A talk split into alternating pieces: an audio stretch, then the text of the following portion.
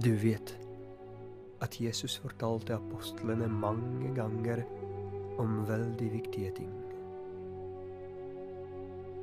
Han fortalte om himmelriket, spurte om tro, forklarte sin døde oppstandelse. Alle disse sakene var viktige, men en av de viktigste var bundet. Samtale med Gud.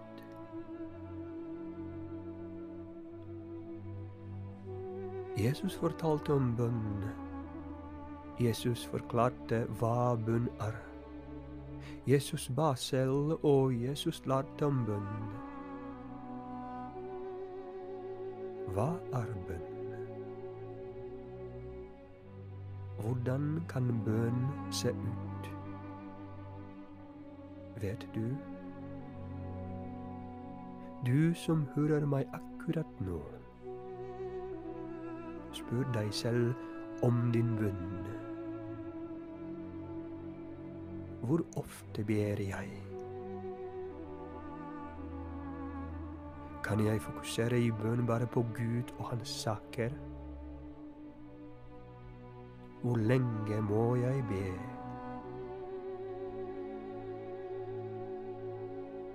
I dag forteller Jesus til apostlene en lignelse om at de alltid skulle be og aldri gå trett. I en by var det en dommer som verken fryktet Gud eller hadde respekt for noe menneske. Men så var det en enke der i byen, og hun kom gang på gang til ham og sa, Gi meg rett overfor min motpart. Lenge ville han ikke vite av det, men til slutt sa han til seg selv. Enda jeg verken frykter Gud eller har respekt for noe menneske, så volder denne enke meg slikt bryderi at jeg får i henne rett. Ellers ender hun med å plage livet av meg. Og så sa Herren.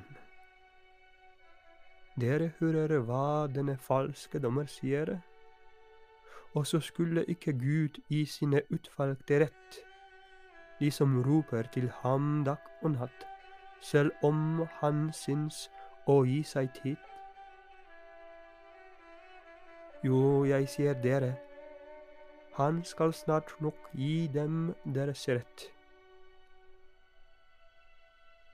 Men når menneskesønnen kommer, vil han da finne troen på jorden?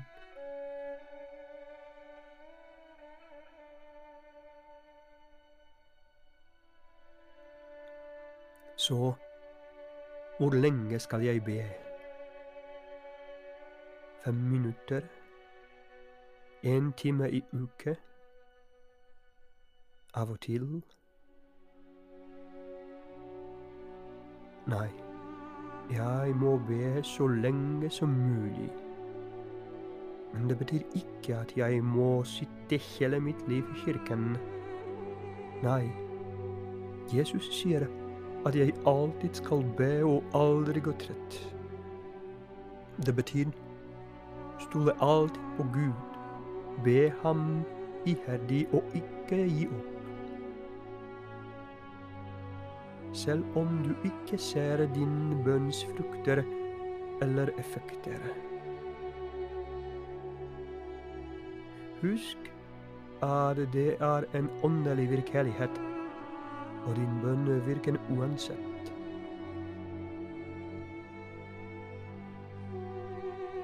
Det er også mulig at du skal se din bønns frukter bare etter din død. Din munn gir mening uansett. Enda større da.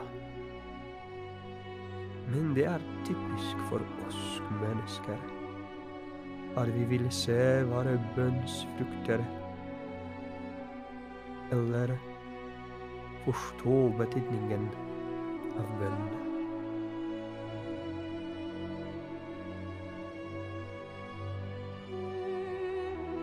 Det var en ung mann som ville forstå betydningen av bønn. En dag hørte han om en klok munk med stor visdom. Han bodde alene i skogen.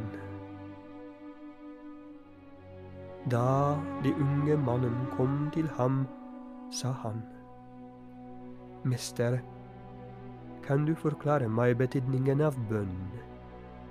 Se, jeg ber veldig ofte om mye, men jeg syns at Gud ikke hører meg. Jeg tenker at min bønn gir ikke mening. Jeg gir opp. Klok mann svarte. Jeg skal hjelpe deg gjerne, men først ta denne potetkurv og hent meg vann fra elven som er i nærheten. Ungmannen så på ham litt overrasket, men gikk. Da han kom tilbake, la han merke til at potetkurv er tom.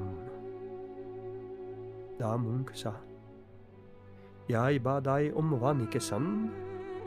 Hvorfor brakte du meg en tom potetkurv? Gå igjen.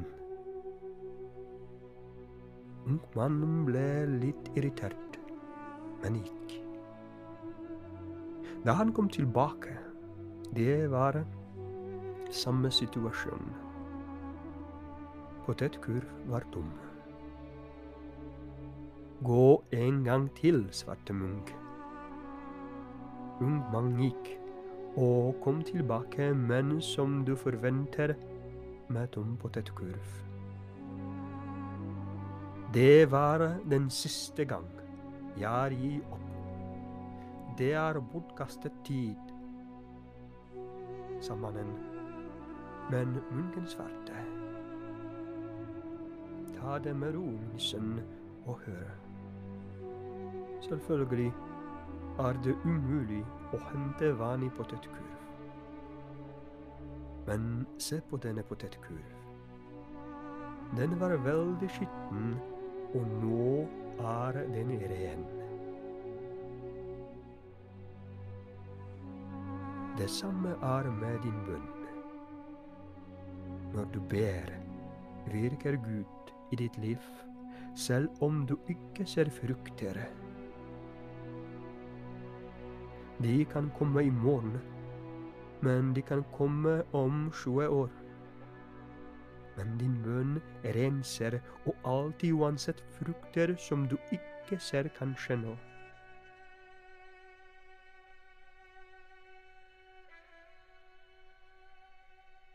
Bare tro på det og be.